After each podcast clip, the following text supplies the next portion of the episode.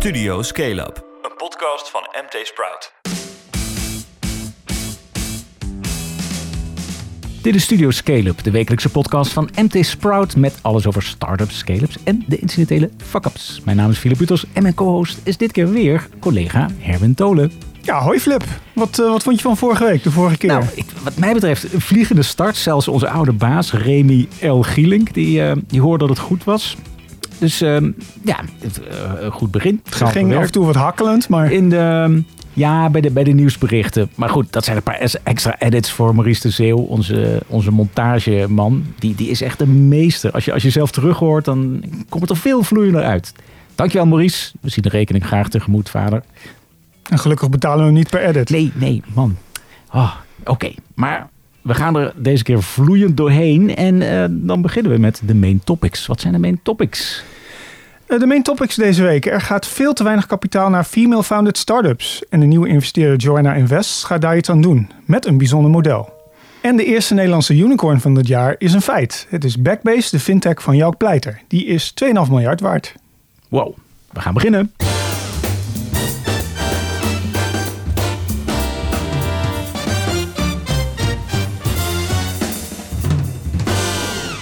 Maar eerst even ander nieuws over startups en scale-ups. Ja, Seymour. Dat is het merk achter pasta, chips en andere lekkers gemaakt van zeewier. Dat is failliet.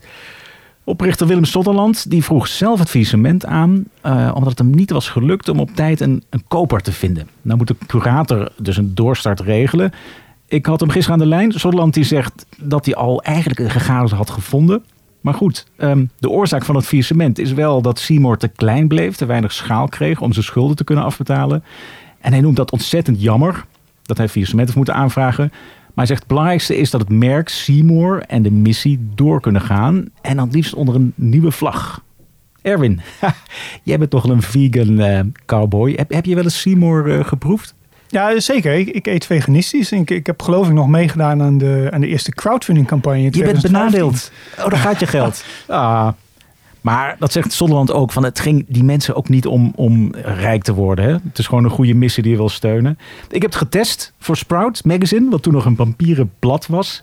En eh, het was lekker. Fijne bite. Eh, natuurlijk pasta is echt doodspul. Er zitten alleen maar calorieën in. En dit is natuurlijk heel, heel voedzaam. En wat lichter. En alleen die lucht. Heb jij het gekookt? Het is echt alsof je een, een, een oester eh, openmaakt. Ongelooflijke zeelucht. Maar voor een keertje, prima. Alleen een bedrijf eromheen bouwen blijkt, blijkt lastig. Dat, maar dat gaat door, dat gaat door. We maken een doorstart. Het merk moet gewoon blijven. Zeewier is echt, dat, dat hoort gewoon op je bord. Fantastisch. Dan flitsbezorger Gorilla's, die kondigde onlangs een ontslagronde aan. Maar die blijkt ook HR-kopstukken hun baan te kosten, meldt Sifted. Eh, Global Chief People Officer Dina Fox, een Amerikaans zwaargewicht die pas sinds augustus aan boord was, heeft de pan verlaten. Ook de Nederlandse Linda van Velzen, VP Global People, zou op weg zijn naar de uitgang. En nog meer unicorn ontslagen. Dit keer bij stepdeeldienst Bird. Die ontslaat bijna een kwart van zijn werknemers. Ja, de reden laat zich raden. Eh, officieel, eh, economische trends zorgen voor een versnelling van het pad naar winstgevendheid. Ja, in beter Nederlands, de burn rate moet omlaag, want de investeerders lappen niet meer bij. En dan het laatste Elon Musk nieuws. Er is geen week zonder Elon Musk. Nee, nee, nee. Eh, Twitter geeft hem alsnog toegang tot alle informatie over de nep- en spam-accounts op het platform. We hebben het al eens eerder over gehad. Eh, Musk deed een bot op Twitter van 44 miljard dollar. Tja, En hij lijkt daar een beetje spijt van te hebben. En hij haalt nu het gigantische botverkeer aan om een lage prijs eh, af te dingen. ja, of er helemaal onderuit te komen. Nou ja, Dat gaan we zien. Hij krijgt nu zijn zin van Twitter. Ehm, dus of hij moet iets nieuws verzinnen, of hij zegt: Ja, oké, eh, ik zie het wel zitten, ik zet mijn bot door. Nou ja, we wachten af. Is er de afgelopen week ook nog wat geld opgehaald? Jazeker, hier zijn eh, de opvallendste deals. Logistiek platform Quick Cargo krijgt regionale investeerder Rom Invest aan boord. En dat stapt in bij een ronde van 2,7 miljoen euro. Eh, bestaande investeerders lappen ook bij. En de moneymeter voor de Airbnb voor laadruimte staat nu op 8,5 miljoen. Check. En ABN AMRO, dat stapt via zijn Sustainable Impact Fund in Wakuli. Dat is het duurzame koffiemerk van Jorik Bruins en Lucas Grosveld. Die kopen de koffie rechtstreeks in bij kleine boeren in de derde wereld, die daardoor een veel eerlijker prijs krijgen. Het geld dat ze nu hebben opgehaald, hoeveel is niet bekendgemaakt, helaas. Dat gaat naar productinnovatie en uitbreiding van het distributienetwerk in Nederland, Duitsland en België. Bestaande aandeelhouders, waaronder Rubio Impact Ventures en een aantal angels, die deden ook mee aan de ronde. En dan een bescheiden deal, maar wel een leuke start-up. Julian Jukema heeft ruim een ton funding geregeld voor Anywise. Dat is een leerplatform dat met podcasts van hooguit een kwartiertje studenten bijspijkert over een leerstof. Yes, zo is er nog minder te lezen. Heerlijk, heerlijk. Mijn kinderen zijn er dol op. Eh, niet op lezen, maar op, eh, op luisteren vooral. En dan nu snel door naar de main topics. Iemand heeft wel eens heel grappig gezegd: als je één of twee investeerders hebt, eh, is het net als een, een martini. Het is nog lekker, maar als je er vijf drinkt, krijg je toch echt wel hoofdpijn. Ehm, en, dat betekent dat je gewoon te veel complexiteit hebt eh, met verschillende belangen. Eh, dus ehm, ik was daardoor altijd wel vrij cautious van: hey, als je geld ophaalt, dan, dan moet het ook wel echt kloppen. Ja, we hebben er een unicorn bij. Unicorn moet ik zeggen. Sorry, unicorn. Jouk Pleiter die is met Backbase de nieuwste unicorn-ondernemer van Nederland. Hij heeft 120 miljoen euro opgehaald voor zijn fintech-bedrijf tegen een waardering van 2,5 miljard. Nou best opmerkelijk, want wij wisten niet beter dan dat er een tech-crash gaande is op de beurs en dat investeerders de hand op de knip houden. Hmm, moet een interessant bedrijf zijn. Herwin, wat, wat doet Backbase precies? Ja, dat, dat zullen wel meer mensen zich afvragen. Het is nou niet echt een naam die, uh, die je dagelijks tegenkomt. Uh, Molly of Adyen, ook fintechbedrijven, die zie je nog wel eens op een rekeningafschrift. Maar ja. uh, Backbase kom je eigenlijk nooit tegen. Achter de schermen, iets. Zeker. Een loodgieter. Um, ja, Backbase helpt banken bij het vernieuwen van hun software. Um, ja, veel banken gebruiken nog oude systemen. Um, bijvoorbeeld voor het verwerken van transacties op grote schaal. Uh, en die zijn gebouwd uh, vaak op COBOL. En dat is een ja, programmeertaal die is al meer dan 60 jaar oud. Precies. De laatste die, die is al 20 jaar geleden overleden, denk ik. De laatste COBOL Klopt, er zijn geen nieuwe programmeurs meer die het ah, kunnen. Dus dat draait in de kelder allemaal. Niemand omkijken, zolang dat doet, uh, doet het het. Klopt, maar we zitten natuurlijk inmiddels in een internettijdperk met internetbankieren, mobiel bankieren. En, en Backbase ja, maakt die oude systemen eigenlijk geschikt voor, voor de 21ste eeuw met een schil, geloof ik. Hè? En zij vormt, ik heb jou ook wel eens gesproken, een schil rond de bestaande systemen, zodat je nieuwe producten, vooral veel mobiele producten, kunt. Uh... Oh ja, wat hij laatst heel interessant zei, um, tenminste, tref het neem ik aan, dat hij een Shopify, Shopify voor de bankwereld is. Dus gewoon een alles in één soort e-commerce um, online oplossing waar je met bestaande systemen op aansluit, zodat je nieuwe mobiele bankproducten kunt, uh, kunt brengen. Ja, wat, wat hij eigenlijk doet is. Um, ja, hij levert een soort interactieve laag die over de bestaande systemen heen ligt. Ja. Uh, dus hij koppelt voor de banken al die losse eindjes aan elkaar, zodat uh, je als eindgebruiker al je bankzaken kunt regelen op één platform. Ja, dat is dan echt de voorkant. Hij, hij zit daartussen. Jeetje. En daar is hij best al een tijdje mee bezig, toch? Hij gaat best ver terug. Tenminste, ik ken hem nog uit uh, van voor de dotcom crash van 2001. Zeker, als, uh, als IT-ondernemer gaat hij al een tijdje mee. Um, eind jaren 90 was hij een van de oprichters van Twinspark. Een, uh, een adviesbureau voor de bouw van websites. Ja, dat was toen nog helemaal hip ja, natuurlijk, websites. websites.com. daaruit is Tridion voortgekomen. Dat is eigenlijk een, ja, eigenlijk een soort CMS, een contentbeheersysteem. Ja, ja. Dat is in 2007 verkocht aan een Britse partij. En, en Pleiter zelf was toen al uh, uitgestapt en in 2013 met, uh, met Backbase begonnen. Het is dus als een derde bedrijf. En hij is al in 2003 mee begonnen. Maar hij heeft nu dus blijkbaar echt de, de jackpot uh, geraakt met, met wat hij nu doet. Ja, in zekere zin wel. Maar hij heeft er dus wel even, even over gedaan. Hij is al meer dan 20 jaar bezig met dit bedrijf. Hij heeft dan ook de nodige pivots gemaakt, zoals dat gaat. Uh, in het begin was hij echt uh, ja, bezig met, met webpagina's van bedrijven gebruiksvriendelijker maken. Uh, ja, meer de content, CMS-kant. en toen had hij ineens ABN AMRO als klant en, en zag hij die kans om, om banksystemen te moderniseren. Dus op het moment dat hij zich op, op die bankenwereld ging richten, dat, dat was echt de, zeg maar de juiste product market fit. Toen ging, toen ging het echt lopen. Toen ging het als een trein. En uh, inmiddels zijn er uh, meer dan 150 financiële instellingen over de hele wereld uh, die klant zijn van Backbase. Hm. Um, ja, het bedrijf heeft 2000 werknemers, kantoren over de hele wereld. Wauw. en hij rekent dit jaar op 200 miljoen euro omzet. En hij zit nog steeds vanuit Amsterdam, hè? Dat, dat is zijn hoofdkantoor.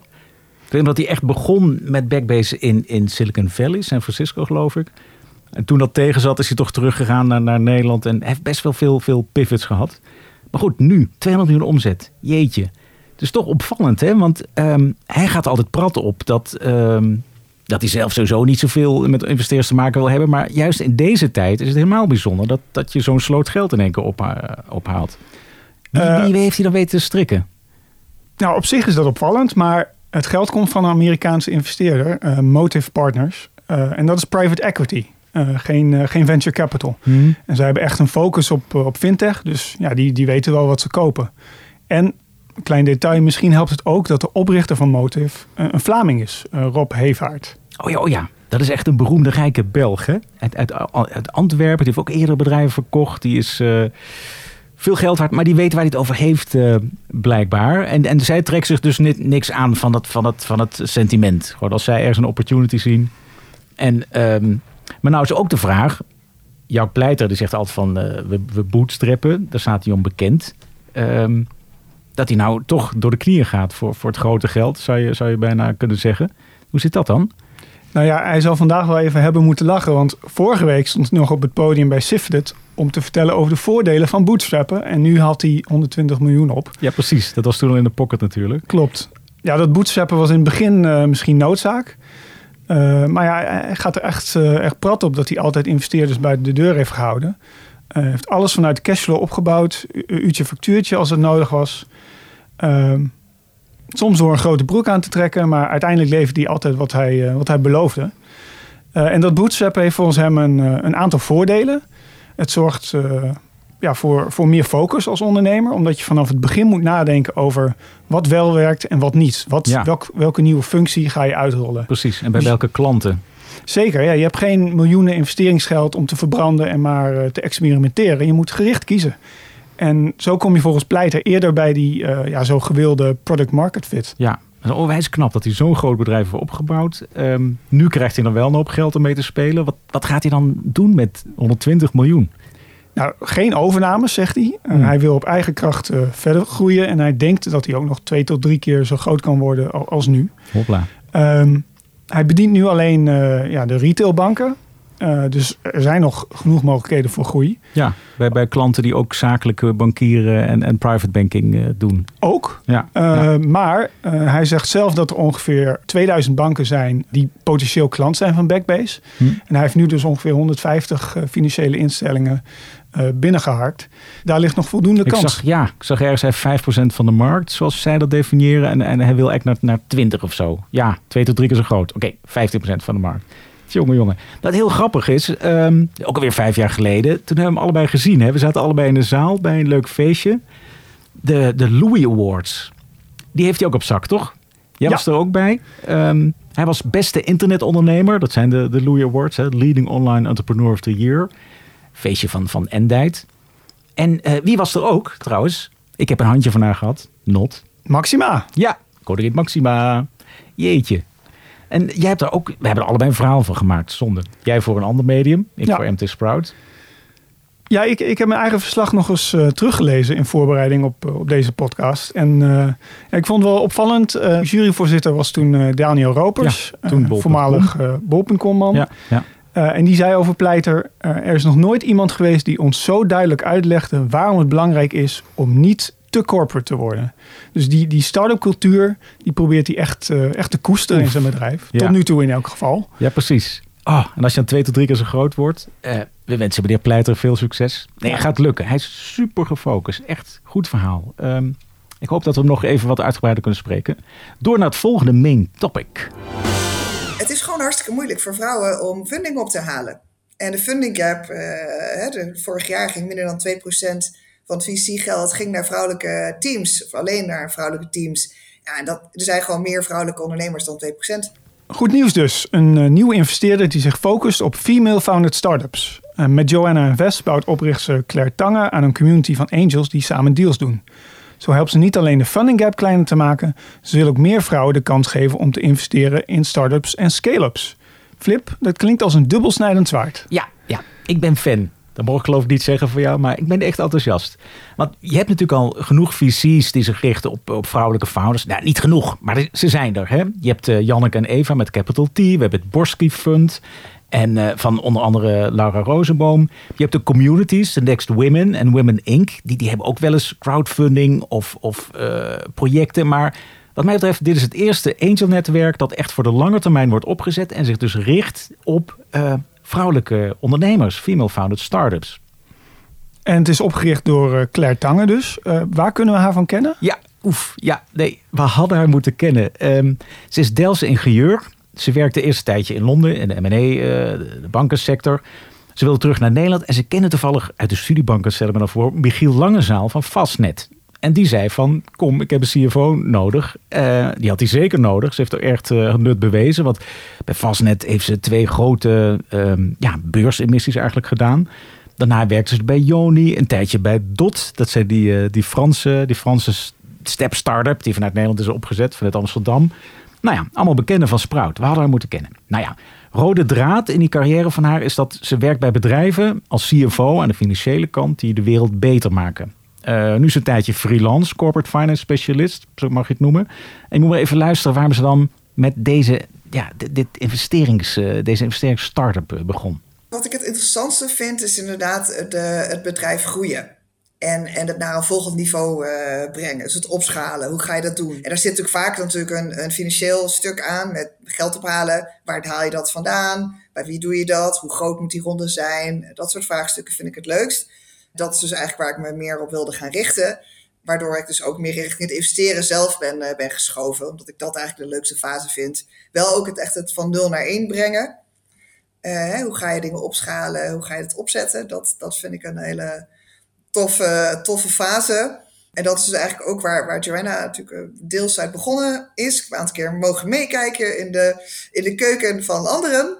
En nou betrokken geweest bij iets opzetten. Uh, maar nu wilde ik graag voor mezelf ook echt iets opstarten.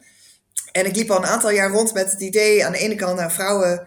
Ik zie zoveel succesvolle, stoere vrouwen om me heen. Ook die heel veel, hè, meer, een heel groot deel van de vrouwen is tegenwoordig hoog opgeleid. Hebben hartstikke goede banen. En ik had het gevoel, daar doen ze niks mee. En ik had ook zelf wel wat investeringservaring uh, ook al opgedaan. Ook natuurlijk uh, de laatste jaren ook wel zelf als angel uh, meegedaan met een, aantal, met een aantal dingen. En ik zie aan de andere kant ook dus dat, dat vrouwen, hè, er is een heel groot um, pensioengat. Dus als vrouwen nu met pensioen gaan, hebben ze 40% minder dan mannen. Nou, daar schrok ik echt van. maar mijn aanname is ook wel dat vrouwen minder bezig zijn met geld. En dus minder investeren. En het maar op een spaarrekening laten staan en daar niks mee doen. Dus daar zie ik een onwijze opportunity. En aan de andere kant heb ik natuurlijk zelf ook als fundraiser aan, bij een aantal bedrijven gezeten. Uh, het is gewoon hartstikke moeilijk voor vrouwen om funding op te halen. En de funding gap, de, vorig jaar ging minder dan 2% van het VC-geld ging naar vrouwelijke teams, of alleen naar vrouwelijke teams. Ja, en dat, er zijn gewoon meer vrouwelijke ondernemers dan 2%. En als ik die twee nou, toen dacht ik, als ik die twee nou mooi aan elkaar kan koppelen, ik laat vrouwen investeren in vrouwelijke ondernemers, dan creëer ik eigenlijk een win-win situatie waar ik zelf heel erg blij van word om daar uh, aan bij te dragen. En dat is de, de, impact eigenlijk die we, die we willen gaan maken met uh, Joanna Invest. Oké, okay, klinkt logisch. Uh, aan twee kanten is er dus een behoefte. Aan de ene kant bij vrouwelijke ondernemers die op zoek zijn naar kapitaal. Ja. En aan de andere kant vrouwen die hun spaargeld niet willen laten wegrotten. Hoe linkt zij die twee aan elkaar? Ja, nou, heel slim. Dus zij zet een besloten community op. Dus zij verzamelt angels. Ze heeft al een paar, paar honderd, zegt ze. En dat wordt een soort kleine crowd die met deals uh, meeloopt. Uh, ja, het is niet helemaal crowdfunding, want die community, mensen kennen elkaar wel. Maar je kunt al vanaf uh, 2500 euro meedoen. Dus het is vrij, vrij laagdrempelig. En dan samen, als je dat geld bundelt, dan doe je tickets waarvan zij zegt, nou, dat is, dat is een grote angel tickets. Dus dat, dat, ja, het zal een paar ton zijn per keer. Dus je hebt als ondernemer één loket waarmee je te maken hebt. En die deals gaan trouwens ook via boekbuilding. Dus um, Joanna Claire, die, die zet ze live. Al naar gelang de interesse kun je dan voor het volledige bedrag dat je wil storten meedoen of, of naar Rato. Dus er zit een beetje tussen crowdfunding en VC in. En, en door die lage drempel, 1500 euro, uh, spreek je ook mensen aan die, die het investeren nog een beetje moeten leren kennen. Dus ik stel me voor dat je, oké, eerst doe je 2500, dan denk je van, hmm, toch wel gaaf. Geld heb je wel op de bank, denk ik. Als je, als je gewoon een goede baan hebt of je bent zelf ondernemer en je hebt reserves. Dan bij die volgende tickets kun je groeien als angel. En, en het is natuurlijk ook haar doel om die mensen op te voeden, bij te spijkeren, dingen te leren over investeren. Dus op een gegeven moment, ja, dat hoop je dan, dat die angels op een gegeven moment gewoon zelfstandig uh, tonnen gaan doen. Mm laat, laat duizend uh, bloemen bloeien, zou ik zeggen. En, en wat voor soort start-ups zoekt ze precies? Ja, de, ze oriënteert zich toch vrij breed, moet je maar even horen. Tech is wel een onderdeel. Wat ik zei, ik heb zelf ook wel een beetje een stiekeme persoonlijke affiniteit met de wat technischere sectoren. Dat is misschien toch mijn ingenieurshart wat ergens uh, nog klopt. Dus ik zou dat heel tof vinden als die er ook tussen zouden komen te zitten. Maar ik ben hem op zich, trek ik hem vrij breed. En als het bijdraagt, dus ik zei, als het impact heeft, dan sta ik daar voor open. En die angels waar je over sprak, ehm, wat voor types zijn dat? Ja, ja van alles. Um, daar heeft ze dit over gezegd. Het is een beetje een, een mix, moet ik eerlijk toegeven. Er zitten een aantal ondernemers bij. Maar ook dames die het gewoon heel leuk vinden om de eerste stappen te zetten in angel investeren. Omdat dus de ticket sizes uh, vrij klein zijn voor de gemiddelde de angel, zie je wel dat het, dat het de, vaak voor hun de eerste keer is dat ze zoiets doen. En loopt dat? Ja, ja, zeker. Dus is eigenlijk pas sinds december officieel live gegaan met de website. En daar heeft ze dus al een paar honderd angels uh, verzameld. Via de, ja, ook via de netwerken die er al zijn, hè, die ik net noemde. En uh, dealflow, nou, een mogelijke deal is geen gebrek, zegt ze. Ze kan er zo tien doen, maar ja, ze moet het wel een beetje starten. Maar die eerste deal, die is er al. Dat is We Are Eves. Dat was vorige week, hebben we ook over gemeld. Dat is een cosmetica review platform van Esther Lelou en Julie Hodgkin. Um, die, ja, zij loopt dus mee met, met de investering. Zij haalde volgens mij 3 miljoen op. Uh, welk deel daarvan Joanna Invest doet, is, is niet helemaal bekend. Maar de tweede deel die zit al in de pijplijn. Dus zij zegt, er is meer dan voldoende interesse. Uh, ze gaat opschalen. Ze wil dit jaar, geloof nog drie of vier doen. En, en dat We Are Eves, wordt de wereld daar ook beter van? Nou ja, daar heeft ze natuurlijk ook een antwoord op. Luister maar. Ja, nou, ik zie uh, We Are Eves echt als een, een, een Vivino voor beautyproducten dus dus uh, mensen laten reviews achter over, uh, over, over beautyproducten. Uh, en ik denk wat de beautywereld ons natuurlijk voorschotelt, het is als ik, bepaalde, als ik um, een bepaalde dagcrème of een bepaalde mascara gebruik, dat ik eruit ga zien als Duitse Kroes. Nou, dat weet ik in de realiteit, dat ook al gebruik ik die mascara, dat dat echt niet zo gaat zijn. En je ziet, um, denk ik, in de, in, in de hele wereld eigenlijk een, een, een beweging naar meer eerlijkheid en meer transparantie. En dat is ook op dit vlak met echte modellen. Hè? We, hebben niet meer alleen maar de, de hele slanke dames die, die, uh, die bij Victoria's Secret over de catwalk lopen. Maar je ziet dus ook in die beweging, denk ik, dat we opschuiven naar, naar eerlijkheid, transparantie, uh, alle vormen, shapes, maten, alles is mooi. En binnen dat die wereld past We Are Eves denk ik heel erg goed. En die angels, uh, brengen die ook meer mee dan alleen geld? Uh, dus is het smart money? Ja, dat is zeker de bedoeling. Het is nog even zoeken naar, naar een juiste vorm, zegt ze, waarin ja, die ondernemers ook echt wat aan hebben en makkelijk in contact kunnen komen met de juiste mensen. Maar ja, tussen die voornamelijk vrouwen die investeren zitten advocaten, marketeers, uh, CFO's misschien, die dus, die dus heel veel uh, advies en ervaring uh, kunnen inbrengen. Luister maar wat ze daarover zegt. Daar ben ik met VR Eves aan het uitzoeken of aan het onderzoeken hoe we, hoe we de community die nu bij hun heeft geïnvesteerd, om die ook te betrekken en dat zij er dus gebruik van kunnen gaan maken. Dat zou wel echt heel tof zijn. Daar zijn we dus inderdaad over aan het nadenken en aan het kijken hoe dat zich in de praktijk gaat, gaat, gaat uitwijzen. Maar dat is natuurlijk wel het, het idee, want ik heb gewoon een, een hele grote groep aan nou, voornamelijk vrouwen, die uh, ondernemers uh, willen ondersteunen. Um, en dat is ook de belangrijkste reden van mijn community trouwens om dus uh, mee te doen. Ik heb een survey gedaan en daaruit blijkt dat de meest belangrijke, of de belangrijkste reden dat ze meedoen, is het ondersteunen van vrouwelijke ondernemers. Daarna pas het, het, het groeien van mijn eigen geld. Dus ja, de conclusie is, ze wil dit jaar nog drie deals doen. Die crowd die moet verdriedubbelen in de loop van dit jaar. En eigenlijk het ultieme doel is die 2%, hè, die, dat is die funding gap, dat maar 2% van het kapitaal naar uh, vrouwelijke ondernemers gaat. Um, dat moet gewoon 3% worden. Nou, ik, ik, ben eigenlijk wel enthousiast. Uh, ja, ik, ik, ben al man, maar ja. kan ik ook meedoen? Oh, ja, ja, ja. ja wacht maar. Ik richt me wel uh, op, op duidelijke vrouwelijke ondernemers. Maar als mannen willen investeren, dan zijn ze uiteraard van harte welkom. Ja, dus het is niet, uh, ik maak aan die kant, uh, ik vraag ook, uh, daar doe ik geen selectie aan de poort. Maar ik moet wel even toegeven, en dat is ook wel wat, dat vind ik ook heel leuk. En daar ben ik echt, ook daar ben ik wel uniek in, denk ik, in Nederland nu. Als je nu kijkt naar mijn community aan de investeerderskant, gebruikt ongeveer 90% een vrouwelijke voornaam. Dus er is nog hoop. Ja, nee, zeker. We gaan ons melden. Dit was Studio Scale-up, aflevering 55. Vergeet je niet te abonneren op Spotify, je favoriete podcast-app. Deel de podcast ook vooral met je vrienden. En kom met feedback of vragen. philip.mtsprout.nl Herwin, bedankt dat je er weer was. Graag gedaan. En heb je ook nog famous last words voor ons? Uh, jazeker. Op de website mtsprout.nl is uh, een column verschenen van Jeroen Bertrams, uh, investeerder. Ja. Uh, en uh, ja, hij signaleert eigenlijk dat, uh, dat pitch decks van startups steeds meer op elkaar gaan lijken. En niet alleen pitch decks, maar ook hele businessmodellen en, en soms zelfs de algemene voorwaarden zijn gecopy-paste. En zijn oproep is eigenlijk van, nou ja, focus nou niet zozeer op die, die direct, directe concurrent, maar kijk naar je gebruikers en je klanten. Ja, niet copy-pasten. Verzin zelf eens iets. Ha. Tot de volgende keer.